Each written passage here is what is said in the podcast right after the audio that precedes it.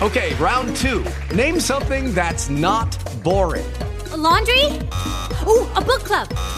Computer solitaire, huh? Ah, sorry, we were looking for Chumba Casino. That's right. ChumbaCasino.com has over 100 casino style games. Join today and play for free for your chance to redeem some serious prizes.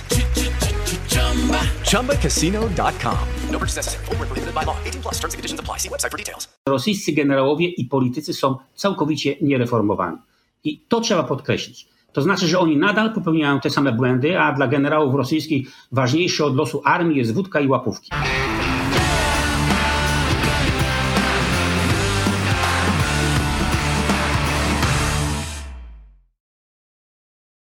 Dzień dobry Państwu, witam jak zawsze z serca redakcji Super Expressu. Ja się nazywam Jan Złotorowicz, a to jest mój raport. I tak jak zapowiadałem Państwu już wczoraj, cały czas zostajemy przy temacie ukraińskiej kontrofensywy i tego, co dzieje się na wschodzie Ukrainy. No, wszyscy kibicujemy ukraińskiej armii, wszyscy mamy nadzieję, że usłyszymy coraz więcej dobrych wieści, bo na razie dobre wieści, a przynajmniej mamy nadzieję, że same dobre wieści chociaż płyną do nas y, z frontu wschodniego, chociaż nie tylko dobre, bo jest też wiele bardzo niepokojących zjawisk i tego, co Ukraińcy y, odkrywają i odnajdują w miastach wyzwolonych spod y, ruskiej okupacji. Wczoraj opowiadał nam, jak to wygląda na miejscu. Prosto stamtąd y, Mateusz Lachowski, korespondent telewizji Polsat, a dzisiaj spróbujemy przeanalizować sobie to szerzej, bardziej tak y, y, ze strony, no tak, no, no po prostu z ekspertem od wojskowości, tak jak obiecywałem. I to nie byle jakim jeden z Państwa ulubieńców czeka już na połączenie z nami, komandor porucznik Maksymilian Dura z portalu Defense24. Dzień dobry, witamy w raporcie Złotorowicza. Dzień dobry panie redaktorze, dzień dobry państwu. Panie komandorze, myśmy się wczoraj trochę poprzygotowywali do tej rozmowy i ja na pańską prośbę przygotowałem i może od tego zaczniemy. Przygotowaliśmy po prostu wizualizację i mapę, jak w ciągu zaledwie kilku dni y, zmieniła się sytuacja na froncie. Zobaczmy może jak to wygląda, bo wychodzi na to, że od 6 września do zaledwie 11 września udało się o to wszystko na, e, na ten taki ciemno-błękitny y, kolor. To są wszystko tereny, które zaledwie kilka dni Ukraińcy odbili spod y, rosyjskiej okupacji. No wygląda na to, że ta kontrofensywa, bo jak zaczęła się, to słyszeliśmy, że podobno trwa kontrofensywa, że zdaje się, że prowadzona jest kontrofensywa. Wygląda na to, że kontrofensywa idzie pełną parą. Panie redaktorze, tak i tutaj dziękuję Super Expressowi, że właśnie przygotowuje taką wizualiz- wizualizację, ponieważ to najlepiej pokazuje, jak ogromny wysiłek ukraiński jest w tej chwili, żeby odzyskiwać te tereny, które są na północy, czyli w obwodzie charkowskim. To jest bardzo ważne, dlatego że czasami ludzie nie zdają sobie sprawy z tego, jakie postępy w tej chwili są, jeżeli chodzi o właśnie front ukraiński i jakie postępy Ukraińcy tutaj osiągają. A jest to bardzo ważne, po pierwsze, dlatego że Ukraińcy mają nadzieję wtedy, że jednak wygrają tą wojnę, a po drugie Zachód wie, że ta, ta pomoc, która jest udzielana, ta pomoc jest w tym momencie no, skutecznie wykorzystywana. W związku z powyższym jest to dobra rzecz, pokazywać właśnie, informować, tym bardziej, że ta mapa, tak jak sam pan zaznaczył, była z 11 września. W związku z powyższym do 14 te zasięgi jeszcze dalej się rozszerzyły. Rosjanie dochodzą bardzo daleko i prawdopodobnie niedługo zacznie się wojna o tą, o tą miejscowość Siewierodoniec, o którą nie wiem, czy pan pamięta, myśmy wtedy rozmawiali, o którą toczyły się walki przez kilka tygodni. W tej chwili istnieje szansa, że Ukraińcy zajmą to praktycznie bez walki, ponieważ co tu dużo mówić, Rosjanie uciekają. No tak, i to uciekają z tego, co y, słyszeliśmy w popłochu. Ja panu, pan, pan też to obserwuje. Zresztą mamy też dla państwa, pan komandor wynalazł film, który pięknie pokazuje sprzęt porzucony. No, a wczoraj korespondent telewizji Polsat, który jest tam na miejscu, opowiadał, że był aż zdziwiony tym, jak wiele Ru- Ruscy po sobie zostawili, że to nie są tylko zniszczone czołgi, tylko to są w pełni sprawne czołgi, z których po prostu załoga wzięła i zwiała, zostawiając je w szczerym polu, że są tam, nie wiem, ubrania na sznurkach, resztki jedzenia, rzeczy osobiste yy, i tak dalej, i tak dalej. Tak jakby, tak, tak jak stali, to tak po prostu zaczęli zwiewać i według nawet niektórych danych wywiadowczych niektórzy zwiali aż na terytorium Rosji.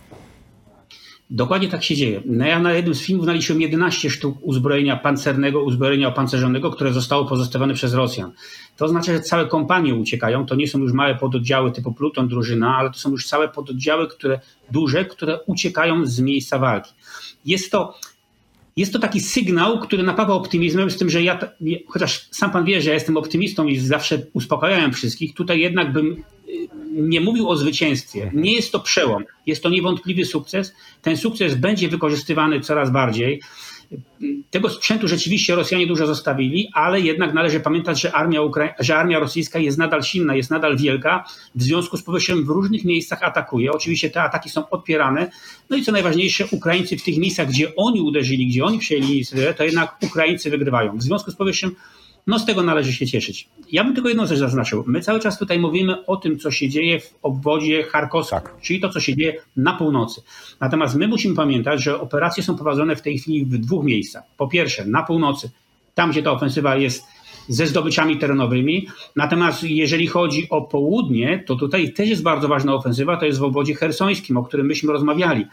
Ona jest o tyle ważna, że jest inna sytuacja niż na północy. Na północy myśmy mieli taki moment, na, na północy mamy taką, znaczy Rosjanie mają taką możliwość, że zawsze mogą się wycofać. Na południu Rosjanie nie mają gdzie się wycofać, ponieważ odgradza ich od Federacji Rosyjskiej rzeka Dniepr. I Ros- jeżeli Ukraińcy będą kontrolowali przeprawy na Dnieprze, to w obwodzie, w obwodzie będzie wielki kocioł, w którym prawdopodobnie dostanie się niewoli, do, do niewoli co najmniej kilka tysięcy Rosjan. W związku z powyższym tam to dopiero będzie katastrofa. To, co jest na północy, jest zaskoczeniem, ale to, co będzie na południu, myślę, że to dopiero zmieni obraz całej wojny. Tak, ja pamiętam, jak o tym rozmawialiśmy i rzeczywiście pan wtedy to jest, yy, dokładnie ten scenariusz pan przewidział, że jest szansa zamknąć ich w tym kotle, bo po prostu na południu w tym miejscu nie będą mieli, no tak jak pan powiedział, nie będą mieli gdzie uciekać. Ale jest jedno, jest jedno ale i liczę, że pan mi to wytłumaczy, bo oczywiście e, byli, jesteśmy wszyscy pod e, wrażeniem e, tego, jak błyskawicznie ukraińskiej armii udało się odbić te tak, tak znaczące tereny. To, to, na mapie fajnie wygląda, ale też prawda jest taka, że to wczoraj w programie była tu Ukraiń, pochodząca z Ukrainy dziennikarka Alina Makarczuk z Radia SK, która też tu no, opowiada, jak wielkie to są po prostu te tereny. To, to, to na tej, ta mapa tego nawet, nawet ta mapa tego nie oddali idei w pełnej skali.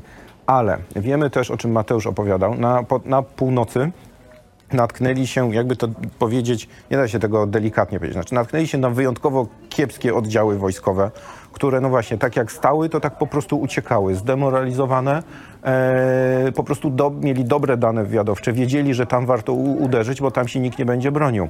No ale podobno już na południu Rosjanie mają dużo lepszy sprzęt i dużo lepszych żołnierzy. Panie redaktorze, tylko my cały czas tutaj, my niekiedy y, wypracowujemy te zwycięstwa y, ukraińskie, które odbywały się w okolicach Kijowa i w okolicach Charkowa. My musimy pamiętać, że Rosjanie nie wycofują się z tych terenów dlatego, że chcą, tylko dlatego, że zostali do tego zmuszeni. To jest zawsze, ja to zawsze powtarzam. Nie należy umniejszać tego, co Ukraińcy zrobili. Oczywiście oni uderzyli w pierwszym momencie na oddziały, które rzeczywiście były słabiej wyszkolone, na Rosgwardię, czyli taką gwardię narodową rosyjską i także na wojska stworzone w tych obwodach donieckich i ługańskich. Natomiast my musimy pamiętać o tym, że w tej chwili uciekają także jednostki wojskowe rosyjskie, które były jednostkami pierwszorzutowymi. Tutaj w tym klinie, który był wbity najpierw w tą całą, w tą, w, znaczy ta, ta operacja zaczęła się od wbicia klinu. To była operacja, to była to był taki sukces operacyjny. I dopiero kiedy ten kliny został wbity w, w okolicach Charkowa, to wtedy zarówno jednostki, które były na północ, jak i jednostki, które były na południe, a więc jednostki już bojowe, które rzeczywiście tam bardzo mocno działały, te jednostki także zaczęły się wycofywać. To nie jest tak, że to uciekają tylko ci najsłabsi, a ci bohaterscy rosyjscy żołnierze z tych dobrych jednostek zostają. To nie jest prawda. I to, co się dzieje na północy, oczywiście było łatwiejsze, dlatego że tam rzeczywiście uderzono w te słabsze siły, które były mniej wyszkolone, miały słabszy sprzęt. Natomiast na południu już nie jest taka prosta sprawa. Na południu są jednostki, batalionowe grupy taktyczne, są Wagnerowcy, są także Czeczeńcy, którzy tam, kadyrowcy, którzy przybyli tam na ten, na ten obszar i oni oczywiście potrafią walczyć, oni mogą walczyć. Problem polega na tym, że nie mogą walczyć, jeżeli nie będą mieli amunicji, paliwa i żywności a ta amunicja, paliwo i żywność musi być dostarczana przez rzekę Dniepr, która jest w tej chwili kontrolowana przez Ukraińców. W związku z powyższym o ile na północy rzeczywiście możemy mówić o pewnych zbiegach okoliczności, które sprzyjały Ukraińcom, o tyle na południu prawdopodobnie będzie sytuacja o wiele trudniejsza i tam Rosjanie nie będą mieli gdzie uciekać, a bez amunicji nawet najlepszy żołnierz nie może walczyć. Dokładnie. I, i, I, ja dziękuję, że pan to powiedział, bo, bo właśnie, bo żebyśmy uniknęli takiego myślenia, a łatwe zwycięstwo, trafiło im się, że ja już użyję takiego naprawdę bardzo prozaicznego przysłowia, że jak e, ślepej kurze ziarno. No nie, no przede wszystkim mieli doskonałe rozeznanie wywiadowcze. Ja zresztą jak widziałem, bo oglądałem fragment też takiej konferencji w Pentagonie, gdzie e, Amerykanie opowiadali o tym, co się dzieje według ich rozeznania na wschodzie Ukrainy, no to ciężko było oprzeć się wrażeniu, że tak naprawdę nie tyle analizują, co się chwalą tym, co tam udało się zrobić. Dokładnie tak. Tym bardziej, że Amerykanie mają w tym ogromny udział, ponieważ pamiętajmy o tym, że tak naprawdę przełomem w wojnie nie było to, że Rosjanie, że Ukraińcy gdzieś tam uderzyli albo że Ukraińcy się bronili, ale przełomem wojnie, wojnie było dostarczenie przez Stany Zjednoczone uzbrojenia bardziej ofensywnego, a więc przede wszystkim systemów HIMARS. To było coś, co zmieniło wojnę, dlatego że po pierwsze Ukraińcy mogli się bronić bardziej skutecznie, a po drugie mogli atakować to, co jest najważniejsze, czyli linie dostaw rosyjskich wojsk. Te linie są rozciągnięte, ponieważ Rosjanie weszli bardzo głęboko w teren Ukrainy i te swoje zaopatrzenie muszą dostarczać z terytorium Federacji Rosyjskiej. W związku z powyższym, jeżeli te linie komunikacyjne będą odcinane, to te jednostki w pierwszych, te pierwszorzutowe, które są kilkaset kilometrów od tych miejsc dostaw, będą miały problemy i będą się wycofały, tak jak było na przykład, ja to zawsze powtarzam, Wyspa Wężów jest tego najlepszym przykładem. Jeżeli nie było możliwości dostarczenia zaopatrzenia, a jednostki wojskowe były cały czas atakowane, to Rosjanie musieli się z tej Wyspy Węży sami wycofać, ponieważ nie mogli się tam utrzymać. I tak prawdopodobnie może być w obozie hersońskim i tak częściowo dzieje się w obozie charkowskim. Także nie jest to taka prosta sprawa, nie jest to tylko zbieg okoliczności, to jest działanie bardzo dobrze wyszkolonych i zmotywowanych jednostek ukraińskich, które rzeczywiście wykorzystują słabość rosyjskiej armii, ale ta słabość nie dotyczy tylko jednostek, które zostały zaatakowane. Ta słabość dotyczy praktycznie całego frontu. Rosjanie są już zmęczeni tą wojną i tam nie ma takiej, takiego zapału, jaki jest po drugiej stronie, czyli po stronie Ukraińców, którzy wyzwalają swoje ziemie. Myślę, że to jest najważniejszy powód na to, że Rosjanie wycofują się i powoli zostawiają teren, na który, który wcześniej zajęli. Czy nowością jest nie tylko to, że, się, że dostają łupnia, że się wycofują, że, że uciekają, też jak zwrócił uwagę amerykański Instytut Badań nad y, Wojną, po raz pierwszy w dziejach tego konfliktu, który trwa już przecież ponad 200 y, dni, Rosjanie tak naprawdę otwarcie przyznali się do, y, do, do porażki w obwodzie charkowskim. No właśnie, bardzo dobrze to pan zauważył, dlatego że rzeczywiście to, co było takim, taką zupełną zmianą, to to, że po tym ataku na północy, czyli w okolicach Charkowa, rzeczywiście Rosjanie przyznali się do tego, że się wycofują. Oczywiście to wycofywanie to nie jest taka. Oni nie twierdzą, że uciekają, oni twierdzą, że y, wycofują się na z góry upatrzone pozycje, ale pamiętajmy o tym, że ilość tego sprzętu, zresztą bardzo dobrze, że pokazaliście ten film, ilość tego sprzętu, którego zostawiają w jednym miejscu, ja nie mówię o wielu miejscach, ale w jednym miejscu, to są po kilkanaście, po kilkanaście, po kilka sztuk y, czołgów, pojazdów, które są gotowe do użycia. W związku z powyższym widać, że jest to po prostu ucieczka. Oni byli zaskoczeni i Ukraińcy byli także zaskoczeni. To nie jest tak, że, zaskoczeni że zaskoczona była tylko jedna strona. Dlatego ten atak następuje tak wolno. Ukraińcy zabezpieczają się, ponieważ wiedzą, że może nastąpić atak zarówno z północy, czyli z terytorium Federacji Rosyjskiej i z Białorusi, i może także nastąpić atak ze wschodu, ponieważ południe już zostało zabezpieczone, ponieważ Rosjanie wycofali się praktycznie idąc tak prostopadle do granicy północnej z Ukrainą, do, z, z, Ukrainą. W związku z powyższym widać, że jest to dobra sytuacja dla Ukrainy, ponieważ ona nie może być, te wojska, które atakują, nie mogą być oskrzydlone, ale z drugiej strony muszą się też zabezpieczać przed tym, że jednak Rosjanie mogą w każdej chwili uderzyć, bo jeżeli chodzi o ilość żołnierzy i o ilość pojazdów i sprzętu, Dokładnie jednak oni górują nad Ukrainą. Dokładnie. Właśnie cieszę się, że pan po, po, poruszył ten wątek, bo to jest właśnie to, o co chciałem teraz zapytać, bo też y, no, czytałem opinię wielu ekspertów e, na temat tego, co dzieje się teraz i jak e, oceniają, co może się dziać teraz w dalszej perspektywie i wszyscy zwracają uwagę na jedno. No to oczywiście jest truizm, że wszystko zależy od Putina, ale to oczywiście jest trochę głębsze, no bo pytanie, jaki sposób Putin i, i tym samym rosyjska armia zareaguje na tą kontrofensywę. Że wielu ekspertów zwraca uwagę, że Putin ma wyuczony no, jedną reakcję, mianowicie eskalowanie konfliktu. Nie będzie mógł teraz się wycofać, nie, nie, nie, bo, bo, bo nie zachowa twarzy. Będzie musiał on teraz kontratakować. I pytanie, czy ma e, możliwości. Panie redaktorze, no i teraz pesymistycznie na początku, a potem optymistycznie, żeby żeby było po mojemu. Więc tak, jeżeli chodzi o tą całą sytuację, to rzeczywiście Rosja zachowuje cały czas siły i możliwości, aby destabilizować sytuację na Ukrainie. Może to robić na kilka sposobów i trzeba o tym pamiętać. Po pierwsze jest to trwałe zagrożenie dalszą inwazją i to szczególnie z rejonu Białorusi i z północy, tam gdzie te tereny zostały wyzwolone. Ja oczywiście Zdaję sobie sprawę, jestem przekonany o tym, że Ukraińcy już się przed tym zabezpieczają, ponieważ nie potrzebują tych dróg łączących Federację Rosyjską z Ukrainą. W związku z powyższym oni je prawdopodobnie zaminowali i zabezpieczyli tak, żeby nie było już takiego łatwego wejścia, jakie było 24 lutego. Ale ta groźba inwazji wymusza pozostawienie tam wojsk, w związku z powyższym zagrożenie istnieje. Poza tym atakuje się infrastrukturę przemysłową, więc osłabia się gospodarkę ukraińską, która i tak jest dotknięta tą wojną. W związku z powyższym jest możliwość destabilizowania sytuacji w ten sposób. No i najważniejsze, akcje sabotażu i terroryzmu to są rzeczy, które są niewątpliwie też możliwe w przypadku Rosyjskiej Federacji, dlatego że oni tam jednak mają dosyć dużo swoich agentów oraz ludności, która jednak sprzyja nadal rosyjskim wojskom. W związku z powyższym to też jest zagrożenie dla Ukrainy. No i czwarta rzecz, najważniejsza, o której ja w ogóle nie chciałbym mówić, ale jednak to jest nadal, trzeba mieć na plecach, że coś takiego istnieje, to jest użycie broni masowego rażenia, a szczególnie taktycznych ładunków jądrowych przez Rosjan. To jest też możliwe. To jest trudne dla nich, dlatego że Ukraina robi jedną bardzo dobrą rzecz. Nie atakuje Federacji Rosyjskiej. Proszę zwrócić uwagę, że na północy, a więc w obozie charkowskim, odzyskując tereny, odzysku, dochodząc do granicy, nie przekraczają tej granicy, mimo że są formal, mimo że są praktycznie w wojnie z Federacją Rosyjską. To jednak ta granica nie jest przekroczona, w związku z powyższym Rosjanie nie mają motywu, nie mają takiego, takiego, takiej podstawy, żeby zaatakować właśnie bronią jądrową i taką mam, i mam nadzieję, że to się utrzyma. No tak, to moi... tyle było z pesymizmu. Moi, no to A teraz zaraz, optymistycznie, jeżeli można.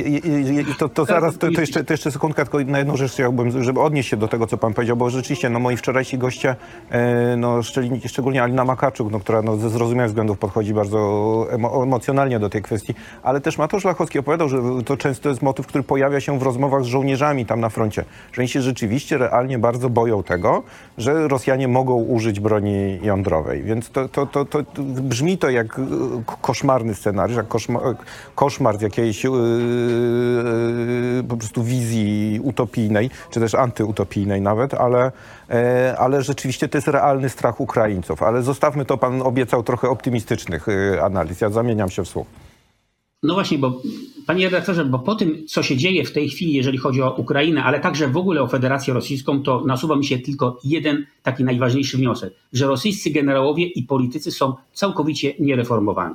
I to trzeba podkreślić. To znaczy, że oni nadal popełniają te same błędy, a dla generałów rosyjskich ważniejsze od losu armii jest wódka i łapówki. Także to trzeba podkreślić. I to jest dobrą stroną, znaczy to jest złą stroną, dlatego że rzeczywiście może dojść do tej sytuacji, o której mówiliśmy, czyli mogą użyć uzbrojenia jądrowego, a więc coś, co rzeczywiście wywoła ogromne straty, no i skażenie całego terenu. Także to jest jedna rzecz, ale z drugiej strony powoduje to to, że ta operacja, która byłaby kontrofensywą w odniesieniu do armii ukraińskiej, jest praktycznie niemożliwa.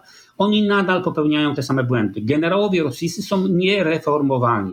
To jest taka zabawa starych generałów Indian. Manewry to dla nich głównie huk, y, tylariery czołgów, ludzi, no i na zakończenie oczywiście musi być rubaszna, taka zakapiana biesiada i wspomnienie o tym, jak to kiedyś było. Także tak to się dzieje na, na, w Rosji i są na to dowody z ostatnich dni. Na początku września, i to trzeba podkreślić, na początku września tego roku były manewry wielkie na wschodzie, we wschodnim okręgu wojskowym. To były manewry Wostok 2022.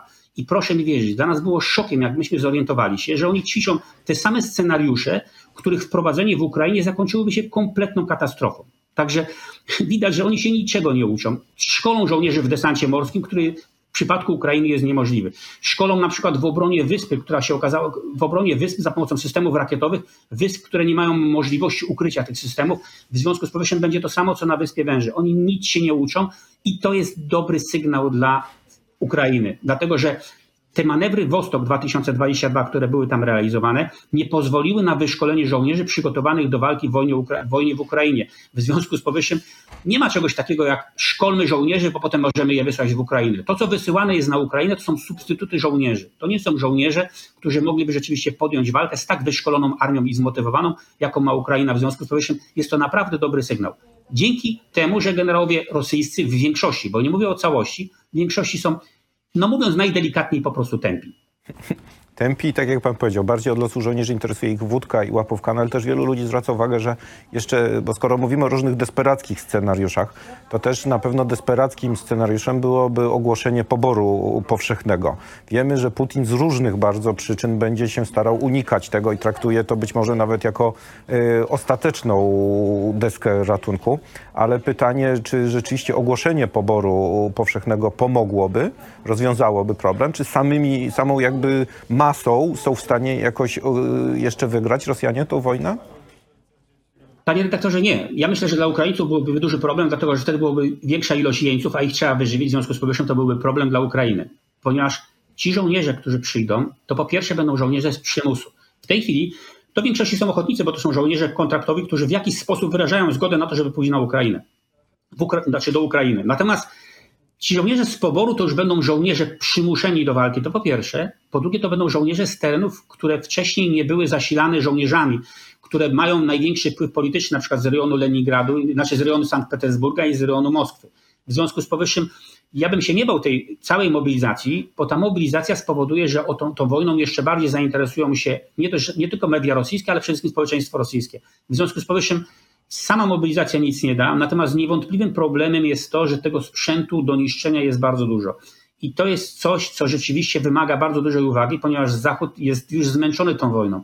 I jest takie niebezpieczeństwo, że w pewnym momencie kraje zachodnie przestaną przekazywać dostawy sprzętu i amunicji dla Ukrainy, a to się skończy katastrofą, ponieważ Ukraina sobie sama nie poradzi. Jeżeli uda się powstrzymać polityków zachodnich przed podjęciem takiej decyzji, no to wtedy ta wojna się skończy, być może jeszcze w tym roku. Także Także miejmy nadzieję, to nie jest tak, że ta, ta mobilizacja spowoduje jakieś zmiany w sytuacji, ponieważ ci najlepsi żołnierze to poszli na Ukrainę 24 lutego, a więc tego, wtedy były do, rzeczywiście jednostki wyszkolone, zintegrowane, gotowe do działań. W tej chwili to są już tak, tak, to są już według mnie substytuty tego, co powinno rzeczywiście walczyć przeciwko takiej armii, jaką ma armia Ukrainy. Dobra, czyli, jaką ma Ukraina. Czyli, czyli, problemem nie są żołnierze i ilość żołnierzy, natomiast problemem jest no, ciągle gigantyczna ilość sprzętu, którym Rosjanie dysponują. Skoro pan wywołał temat, to jest jeszcze jeden wątek, który ja też bardzo chciałbym e, osobiście poruszyć, bo ja tu dużo mówiłem już kiedyś o jednej zbiórce, a to przy tej okazji powiedzmy o zupełnie innej zbiórce, bo skoro pan mówi, że Rosjanom, e, że, przepraszam, że ukraińskiej armii potrzebny jest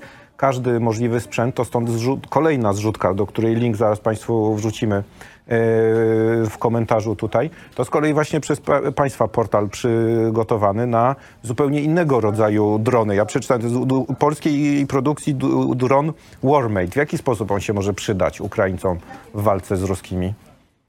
Panie doktorze, to jest najważniejsza rzecz, że w tej całej wojnie zwracamy uwagę zawsze na jedno, że trzeba chronić ukraińskich żołnierzy, bo ich jest po prostu mniej a w tym pomaga amunicja precyzyjna i to amunicja dalekiego zasięgu. Drony Warmate, które są zresztą pokazywane na zdjęciu, to są drony produkowane w Polsce, a więc te pieniądze, które my zbieramy, to są pieniądze, które pozostaną praktycznie w Polsce. To po pierwsze.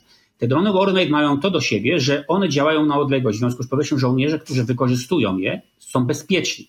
No i trzecie, co najważniejsze, są to, jest to uzbrojenie precyzyjne, które po pierwsze, wykrywa obiekt ataku, a więc żołnierz, który wypuszcza takiego drona, nie widzi celu ataku, ale go on go odszukuje. I kiedy stwierdza, że ten cel ataku jest rzeczywiście warty poświęcenia, no to wtedy takim dronem mu, krótko mówiąc, przywala i wtedy taki czołg jest natychmiast albo czołg, ale przede wszystkim system rakietowy jest rozwalany. To są systemy bardzo skuteczne, bardzo chwalone przez Ukrainę, przede wszystkim dlatego, że nie można ich zestrzelić. One są praktycznie niezniszczalne, oczywiście do momentu aż atakują, dlatego że to są tak zwane drony kamikaze, czyli one samym sobą atakują i niszczą cel, który widzą, który jest zaakceptowany i na który się potem nakierowują. Więc po pierwsze, wspieramy polski przemysł, po drugie, wspieramy ukraińskie wojsko, chronimy ukraińskich żołnierzy, a co najważniejsze, chronimy też ukraińskich cywili, dlatego że te systemy są wykorzystywane głównie przez wojska specjalne do atakowania systemów rakietowych dalekiego zasięgu. W związku z powyższym każdy taki dron Warmate to jest jedna wyrzutnia wyeliminowana i co tu dużo mówić, ochronione, ochronieni cywile. Ja jeszcze bym jedno chciał podkreślić, że to nie jest tylko zbiórka Defense 24, bo myśmy ją zainicjowali, natomiast to jest zbiórka ludności. Jest ponad 8 tysięcy ludzi, którzy w tej chwili wpłacili pieniądze. Zebraliśmy ponad milion, około milion dwieście tysięcy złotych. Chcemy za to kupić 20 dronów, a więc 20 obiektów rosyjskich zostanie zniszczonych precyzyjnie przez te systemy. My nawet wiemy, my nawet wiemy dokładnie, do jakiej jednostki te drony pójdą. My wiemy, których żołnierzy, którym żołnierzom pomożemy. Pomagamy tym chłopakom, bo są filmy już w internecie, w jaki sposób żołnierze ukraińscy wracają na przykład na przepust- idą na przepustkę do swoich domów, jak ich witają rodziny. To jest naprawdę straszna sytuacja. My, my sobie nawet nie zdajemy sprawy, jakie poświęcenie jest ze strony rodzin, które po pierwsze kobiety i dzieci muszą same pozostawać w domu, chociaż kobiety też walczą, a mężczyźni muszą walczyć na froncie, chociaż są, chociaż są przygotowani zawodowo do innych spraw. Taka zbiórka Warmate w tym pomaga. I jeszcze najważniejsza rzecz, ta zbiórka pomaga też polskiemu przemysłowi, ponieważ ten polski przemysł jest niedoceniany, a było to widać na, na tych targach w Kielcach w zeszłym tygodniu, kiedy przemysł polski prezentował mnóstwo rzeczy, natomiast co tu dużo mówić, polska armia jest nimi, jest nimi zainteresowana, ale nie w takim stopniu, w jakim powinna. Także pomagamy polskiemu przemysłowi, pomagamy Ukrainie, zrzucamy się na warmate, nie trzeba dużo pieniędzy, a pomoc będzie naprawdę wyraźna, dlatego że my w tej chwili wiemy, że już możemy kupić cztery drony i te cztery drony Ukrainie przekażemy. Tak, i tak jak pan komandor powiedział, znaczy każdy ten, to jest jeden do jednego, każdy z tych dronów to jest jeden rosyjski obiekt mniej zniszczony przez ukraińską armię.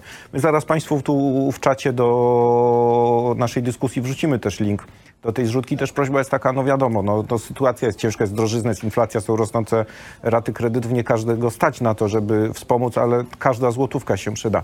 Natomiast jeżeli nie możecie wpłacić, też wrzucajcie to na swoje media społecznościowe, wysyłajcie to swoim znajomym, bo, bo im, im, więcej ludzi dostanie ten link, im więcej ludzi w to wejdzie, im więcej ludzi w to kliknie, im szerzej się to rozejdzie, tym większa szansa, że jak najszybciej to, to uzbieramy. A jeszcze raz powtórzymy, tak jak pan komandor powiedział, to są pieniądze, które trafią do polskiego przemysłu, zasilą o, polskie miejsca pracy, i, i, a największy sukces taki jeden do jednego. Każdy z tych dronów to będzie jedna ruska instalacja mniej na wschodzie Ukrainy. My się musimy sprężyć, bo właśnie pan komandor powiedział, teraz stawką jest to, czy uda się taką nazwijmy to kroplówkę wojskową utrzymać przy żyłach ukraińskiej armii. Czy istnieje rzeczywiście realna groźba, że Zachód zmęczy się tą wojną na tyle, że odetnie się od Ukrainy? Panie doktorze, ja nie, znaczy ja nie widzę na razie takich sygnałów, dlatego że rzeczywiście wszystkie te spotkania ministrów spraw zagranicznych, ministrów obrony narodowej, krajów NATO i także Unii Europejskiej, ponieważ Unia Europejska też jest zaangażowana w tą pomoc, wskazują na to, że cały czas jest wola, aby tą pomoc udzielać. Co ważne, ta ofensywa bardzo w tym pomogła, dlatego że wszyscy zdali sobie sprawę, że te, ta pomoc rzeczywiście przynosi efekty. Natomiast dla nas ważne jest jeszcze to, o czym ja wspomniałem, mówiąc o tej zbiórce Warmate że tak naprawdę my też musimy wyciągać wnioski z tego, co się dzieje w Ukrainie. To jest bardzo ważny sygnał. Ta wojna zmieniła mnóstwo rzeczy. Zmieniła sposób pojmowania zagrożenia ze strony Federacji Rosyjskiej, ale także powinna zmienić nasze podejście do przemysłu polskiego. Czyli to, że rzeczywiście w pierwszym momencie my musimy być samowystarczalni, a w tym może pomóc tylko polska gospodarka. Ja, proszę mi wierzyć, jestem optymistą także po tym, co się działo w Kielcach w, dwa, w tym roku. Myśmy zresztą rozmawiali telefonicznie tak. o tych targach, które odbywały ten Międzynarodowy Salon Przemysłu Obronnego, w którym były pokazane sprzęty, jaki może być produkowany przez, polską, przez polskie firmy. My naprawdę możemy być w wielu dziedzinach samowystarczalnych. Ja tu nie robię kryptoreklamy, bo ja nie reklamuję sprzętu, które można kupować, ale na przykład są firmy, jest na przykład firma Cezamat, która jest na przykład y, właśnie grupa laboratoryjna Cezamat Politechniki Warszawskiej, która może w tej chwili dać nam pełną samowystarczalność produkcji układów scalonych. Dlaczego to jest takie ważne? Ano dlatego, że my w systemach naszych posiadamy układy scalone, których my nie kontrolujemy, co jest w środku. My nie wiemy na przykład, czy przez jakiś impuls radiowy to wszystko się nagle nie wyłączy. A tutaj będziemy mogli mieć taką kontrolę, oczywiście, o ile będzie taka wola. Tak samo jest na przykład w przypadku kamer termowizyjnych. Kamery termowizyjne, taką najtrudniejszą rzeczą do zdobycia w kamerach jest taka, taki czujnik, taki detektor, matryca detektorów, która pozwala, że my ten obraz otrzymujemy. Do działań w nocy niezbędna. My te detektory wcześniej sprowadzaliśmy. W tej chwili jest firma Bigo, która opracowała polski detektor. To jest firma, która może zapewnić naszą samowystarczalność. Takich firm mógłbym wymieniać mnóstwo. APS, firma, która tworzy systemy antydronowe, które, co tu dużo mówić, nagle mogą być i tutaj mogą zabezpieczać nasze terytorium. No mamy z czego wybierać, naprawdę. To jest tylko kwestia woli. Korzystajmy z tego, co było na Ukrainie i pamiętajmy, że ta samowystarczalność w pierwszym momencie musi być, bo my już w tej chwili nie możemy myśleć o tym, że na przykład wpuścimy Rosjan i potem ich wybijemy z naszego terytorium. Nie ma takiej możliwości, ponieważ Bucza pokazała, że my musimy Rosjan zatrzymać na naszej granicy, a do tego Potrzebny jest sprzęt, który jest produkowany przez polski przemysł. Tylko go trzeba kupić. No tak, i, i jeszcze raz powtórzymy, i wcale nie trzeba czekać, aż przyjdzie ten czarny scenariusz, że będziemy się musieli bronić na naszej granicy. Możemy po prostu pomóc Ukraińcom obronić się na swojej i, i, i oni za nas temat załatwią, więc jeszcze raz. Macie Państwo link do zrzutki tu w komentarzach, e, w czacie pod, pod, naszym, e, pod naszą rozmową. Jeszcze raz powtórzę, jeśli ktoś nie, nie chce, nie może, nie ma jak wpłacić, niech przynajmniej rozsyła, to wrzuca to na swoje media społecznościowe. Szorujmy tym jak najszerzej. Jeszcze raz powtórzę, każdy ten dron to są pieniądze dla polskiego przemysłu, to są polskie miejsca pracy, to są wypłaty dla polskich pracowników i, a każdy, i każdy też ten dron to jest jedna instalacja rosyjska mniej na wschodzie e, Ukrainy. Co będzie ciężkie, bo właśnie pan e, snujemy tutaj już podczas którejś kolejnej naszej rozmowy, snujemy właśnie, bardzo byśmy chcieli, żeby się ten scenariusz ziścił, właśnie tego zamknięcia e, Rosjan w tym kotle hersońskim. Czy jest realna szansa, że mogłoby do tego dojść jeszcze przed zimą tego roku? Panie redaktorze, to jest kwestia tygodni. Ja myślę, że jeżeli Ukraińcy, Ukraińcom uda się zablokować te dostawy, które są w tej chwili realizowane, no to Rosjanie, którzy, których tam jest naprawdę, z tego co wiem, to około kilkunastu tysięcy. To jest problem. Zabezpieczenie takich ludzi w amunicję jest bardzo trudne. My musimy pamiętać, że takie trzy czy cztery magazynki, które posiada żołnierz, to wystarczy na dwie, trzy godziny walki. Oni muszą tę amunicję cały czas mieć dostarczaną, a z tym jest coraz większy problem. Dniepr jest rzeczywiście barierą, która bardzo utrudnia te dostawy rosyjskie. Rosji, Ukraińcy po pierwsze zniszczyli stałe przeprawy, na przykład w Nowej Kachowce i na moście antonowskim koło Hersonia, więc to już zostało zniszczone i kontrolują, żeby tego nie zdołano naprawić, ale także niszczą mosty pontonowe. Co więcej, robią to, powiedziałbym w cudzysłowie, w perfidny sposób w odniesieniu do Rosjan. Na zasadzie takiej, że wyczekują, kiedy te mosty zostaną zbudowane, kiedy te ten sprzęt na brzegach zostanie nagromadzony, no bo on na mostach pontonowych wolniej się przesuwa i wtedy dopiero uderzają, niszcząc zarówno sprzęt, jak i to, co zostało przez Rosjan z takim mozołem zbudowane. W związku z powyższym, no ja bym był tutaj większym optymistą. To nie chodzi o ten rok. W, w obodzie hersońskim to zwycięstwo może nastąpić o wiele szybciej. Wszystko zależy od tego, o tym, co powtarzaliśmy. Jeżeli te dostawy będą szły tak, jak idą, bo w tej chwili naprawdę Ukraińcy mają już możliwość kontrolowania linii dostaw i atakują magazyny amunicyjne. My cały czas słyszymy o tym, że wybuchają magazyny paliw, magazyny amunicji, skupiska, koszary wojskowe, a przede wszystkim lotniska polowe, które są robione na terytorium zajętym przez, przez Federację Rosyjską. No jest to dobry sygnał. Ja bym się z tego cieszył, bo tak jak mówię, są oczywiście zagrożenia ze strony Federacji Rosyjskiej, bo my ten atom mamy cały czas na plecach, ale musimy pamiętać o tym, że w tej chwili toczy się walka o wyzwalanie terytorium Ukrainy. Ukraina bardzo skutecznie i bardzo konsekwentnie nie atakuje Federacji Rosyjskiej, chociaż jej zagraża. W związku z powyższym widać, że Federacja Rosyjska nie ma motywu do tego, żeby taką broń taktyczną jądrową użyć, a więc możemy być na razie, mam nadzieję, że możemy być spokojni, ponieważ no tak jak mówiłem, generałowie jej politycy rosyjscy są niereformowalni, są irracjonalni i trudno jest tutaj przewidywać, co oni naprawdę zrobią. Ja pytałem o tą zimę, no bo tak jak pan komandor powiedział, no właśnie, oni się niczego nie nauczyli, e, cały czas tkwią mentalnie w starych schematach wojskowych, no ale jednym, no jakby wszyscy wiemy dobrze z historii, jakie są podstawowe schematy działania ruskiej armii. Czy puścić jak najwięcej ludzi jak najwięcej sprzętu, ile się go w ogóle ma, no i liczyć na to, że zima po prostu utrudni życie każdemu wrogowi. Sroga zima. Dlatego pytam o to, czy jest szansa, żeby do tego zamknięcia tej armii w kotle doszło jeszcze e, zanim się zima nie, nie zacznie, bo wielu też ludzi, z którymi rozmawiam, już nie ekspertów wojskowych, ale na przykład takich, którzy analizują sytuację na rynku paliw e, ten cały szantaż gazowy Putina wobec Zachodu zwracają uwagę na jedną rzecz.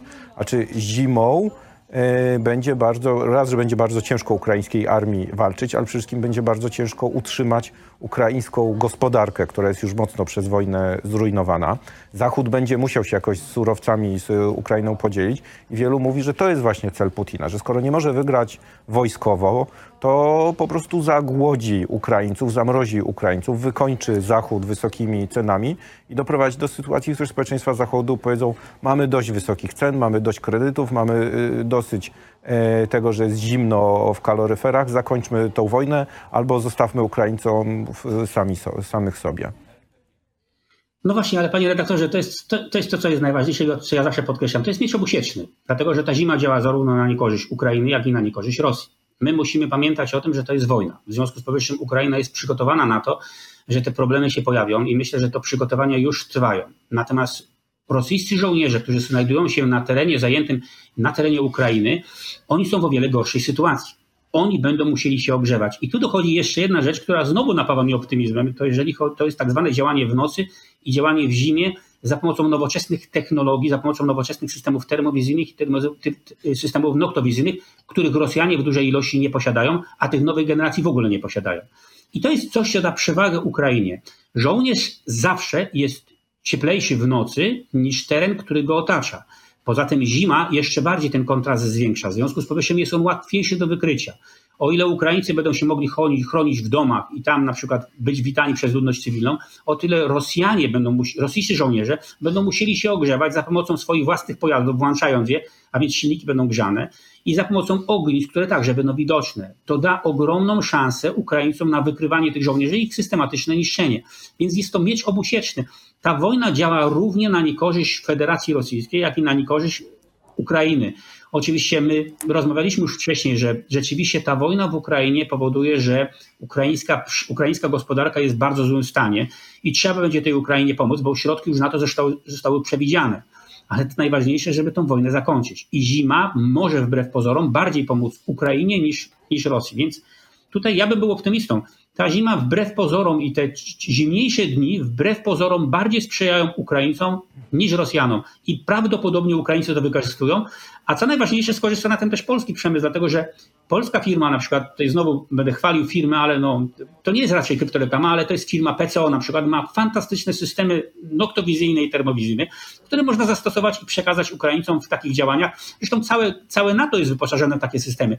Przekażmy im te systemy i w tym momencie Ukraińcy będą skutecznie walczyli w nocy, tak samo jak w dzień a Rosjanie tego nie będą mogli robić. W związku z powyższym jest to jeszcze jeden powód na to, że ta wojna się może szybciej skończyć, a co najważniejsze może się skończyć sukcesem dla Ukrainy, czyli wypędzeniem rosyjskich żołnierzy z terenu całej Ukrainy. No i oby tak się wydarzyło, no i być oby jeszcze, bo jest, no, ja wiem, że ja zabrzmę jak niepoprawny optymista, ale też zawsze rozmowy z panem komandorem mnie na, na, napawają sporą dozą optymizmu, no bo jest, jest realna szansa, że jeszcze w tym roku ta wojna się, nawet jeśli nie skończy, to dojdzie do takiego etapu, w którym Rosjanie nie będą w stanie jej już dłużej, nie będą mogli jej już dłużej eskalować. Ale jeszcze raz powtórzmy, żeby to się wydarzyło, to czego ukraińska armia potrzebuje najbardziej, to jest wsparcie sprzętowe, to jest sprzęt. Dlatego ja jeszcze raz powtórzę, Macie Państwo ten link do tej zrzutki, naprawdę. Szorujcie go, tu już widzę, piszecie. Spodobał Wam się bardzo też argument.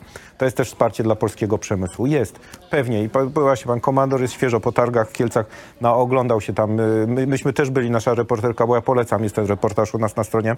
No masa niesamowitego, zupełnie ja mogę użyć tylko takiego słowa, bo jestem cywil i się na tym nie znam, ale masa niesamowitego sprzętu, który powinien trafić na, na front, bo Ukraińcy naprawdę mają szansę, tą, mają realną szansę wygrać tą wojnę.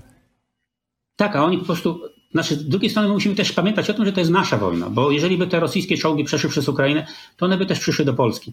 Natomiast w tej chwili my walczymy ukraińskimi, rękami ukraińskich żołnierzy i dlatego tak ważne jest, przekazywali im ten sprzęt, ponieważ, no, no powtarzam to jak mantrę, każdy rosyjski czołg, który został zniszczony na terytorium Ukrainy, to jest czołg, który nie przyjdzie do Polski. Te systemy, które my kupujemy na przykład w tej zbiórce Walmart, to są systemy, które w tym pomagają konkretnie. To jest 20 dronów, które zniszczą 20 rosyjskich czołgów i tych 20 rosyjskich, 20 rosyjskich czołgów nie będzie. I co najważniejsze, ponieważ to są systemy bardzo precyzyjne, w związku z powyższym Ukraińcy mogą rzeczywiście wybierać.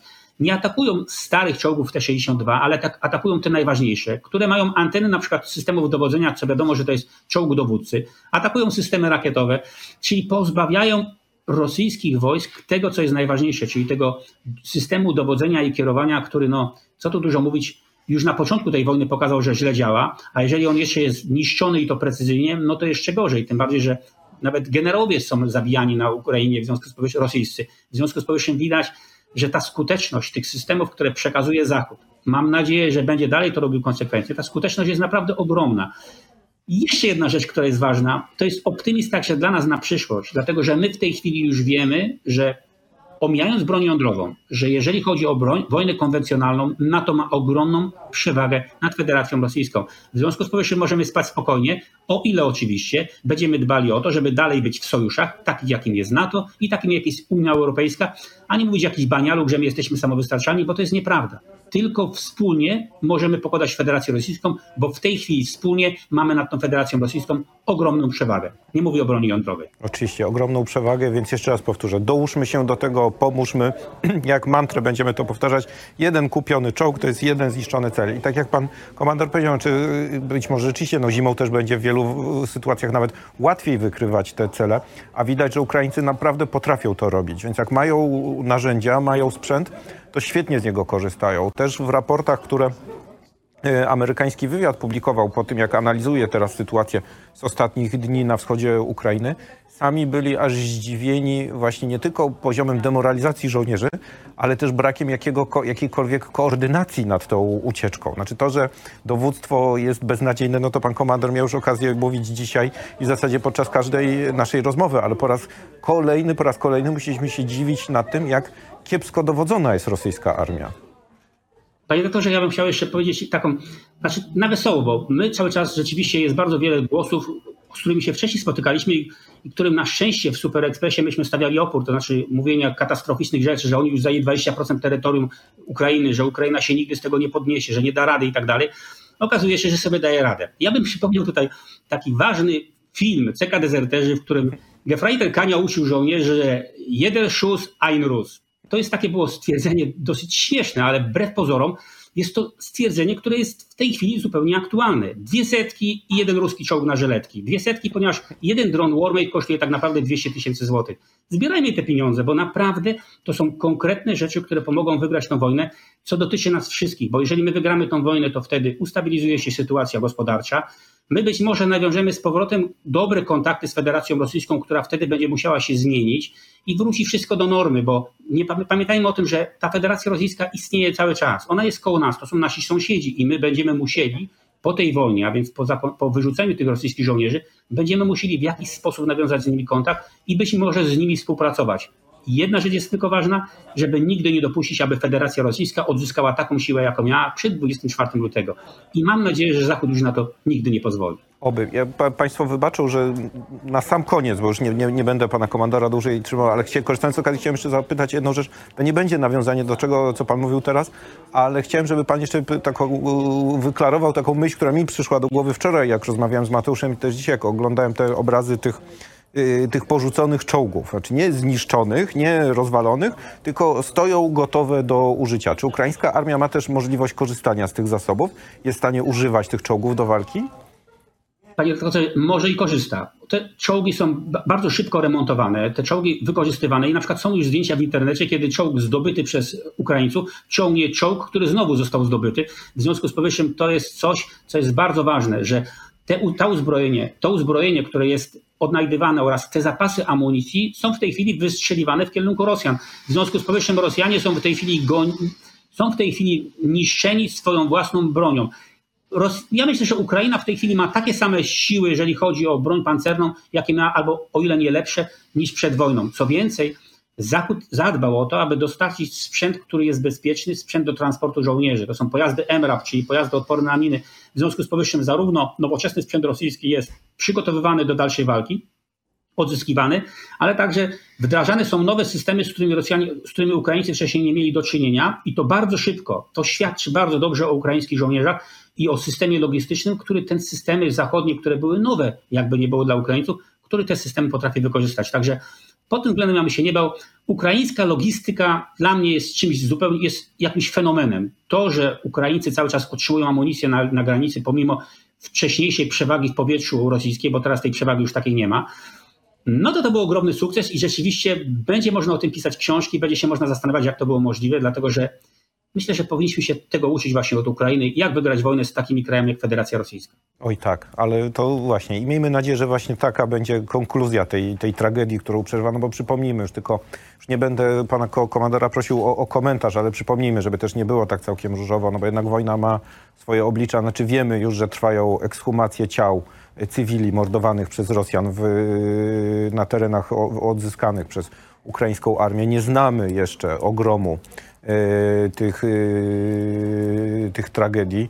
Nie wiemy o jak straszliwych rzeczach za chwilę się dowiemy. Wszyscy drżymy na myśl o tym, że znowu trafią do nas obrazki kolejnych zbrodni wojennych popełnianych w ramach specjalnej misji e, przez siepaczy Putina, no ale to chciałem, tylko nie, nie chcę, żebyśmy o tym rozmawiali, chciałem tylko o tym przypomnieć podczas tej rozmowy, żebyśmy też mieli to, to żeby Państwo też mieli to na uwadze, że, ale też, żeby... Że, panie redaktorze, Pan poruszył bardzo ważną rzecz, dlatego że my musimy pamiętać, bo my cały czas traktujemy tą wojnę jako coś takiego, że my musimy wypchnąć Rosjan, wywalić ich z Ukrainy i sprawa zostanie zamknięta. Nie, to nie jest tak. Rosjanie muszą zapłacić za tą wojnę. Jeżeli Rosjanie od, zapłacą odszkodowanie za rachunek, który wystawi im Ukraina, bo będą i zmusi się do tego, to wtedy żaden inny państw, żadne inne państwo nie, z, nie zrobi tego samego. A jeżeli Rosjanie będą bezkarni, no to sprawa będzie, sprawa wróci za jakiś czas. W związku z powyższym, to co pan powiedział, trzeba sprawdzić, jakie te zbrodnie były, co zostało zniszczone, co zostało ukradzione i wywiezione, bo Rosjanie nie tylko niszczą, ale także kradną. I wystawić im za to rachunek i oni ten rachunek muszą zapłacić. Wtedy już nigdy nie zaatakują w taki sposób, jak zaatakowali Ukrainę. To, co pan powiedział, jest bardzo ważne. Tak, i oto jest stawka tej wojny. Pokonać, pokonać i ukarać a każdy z nas się może do tego dołożyć. Więc już po raz ostatni dzisiaj w programie przypomnimy. Kolejna zrzutka, tym razem na polskie drony, na drony kamikadze, które no, pozwolą ukraińskiej armii w sposób niezwykle precyzyjny i bezpieczny dla żołnierzy, bo to głównie żołnierze służb specjalnych mają z nich korzystać, e, niszczyć i to takie kluczowe, kluczowe cele. Jak Państwo widzą, udało się już zebrać prawie milion, znaczy milion, ponad milion sto e, tysięcy złotych. Cel jest na 5 milionów spróbujmy ten cel y, osiągnąć. Ja już wiem, że raz Państwa prosiłem o zakup dronu, a, a teraz, ale teraz trzeba tych dronów jeszcze więcej. I przypomnijmy jeszcze raz, naprawdę warto. Wspiera to polski przemysł, są drony polskiej produkcji. Jeden taki dron to jest jeden cel mniej po ruskiej stronie. Panie komandorze, bardzo dziękuję jak zwykle za rozmowę. A ja dziękuję za wsparcie akcji. Trzymajcie się zdrowo i wszystkiego dobrego. Bądźmy optymistami. Dziękujemy właśnie. To jest ta le lekcja, którą zawsze z rozmowy z panem komandorem wyciągamy. Bądźmy optymistami. Dziękujemy za, za, za, za ten optymizm, za te słowa otuchy, no bo sytuacja cały czas nie jest y, dla nas wesoła, chociaż wszyscy cieszymy się z tego, że Ruscy dostają na wschodzie łupnia i oby dostawali go jak najdłużej. Miejmy nadzieję, że jak się znowu zobaczymy, to będziemy mogli sobie znowu porozmawiać o tym, jak żenujące są straty rosyjskiej armii jak piękne są zwycięstwa dzielnych Ukraińców. Dziękuję bardzo panu za rozmowę. Nie, nie, trzymamy dłużej, a Państwu bardzo dziękuję za to, że byliście z nami, licznie bardzo, więc y, korzystając z okazji, że cały czas jest Was bardzo dużo, jeszcze raz. Macie link, wysyłajcie, klikajcie, jak możecie to, to wspierajcie. Ja dziękuję Wam za dzisiejszy raport Złotorowicza, jutro raport Walczaka. Pewnie y, mam nadzieję, że jeszcze ciekawszy, nie mam wątpliwości, że jeszcze ciekawszy Tomek to przecież prawdziwy fachowiec. Nie będę zdradzał, co ma dla Was przygotowane, a ja będę po nim wracał też do naszych, więc oglądajcie nas, bądźcie z nami codziennie o 11. Do zobaczenia.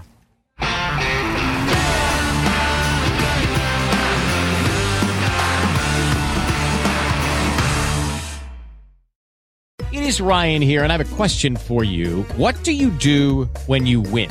Like, are you a fist pumper? a woohooer, a hand clapper, a high fiver. I kind of like the high five, but if you want to hone in on those winning moves, check out Chumba Casino. At ChumbaCasino.com, choose from hundreds of social casino style games for your chance to redeem serious cash prizes. There are new game releases weekly, plus free daily bonuses. So don't wait. Start having the most fun ever at ChumbaCasino.com. No purchase necessary. VGW. Void were prohibited by law. See terms and conditions. 18 plus.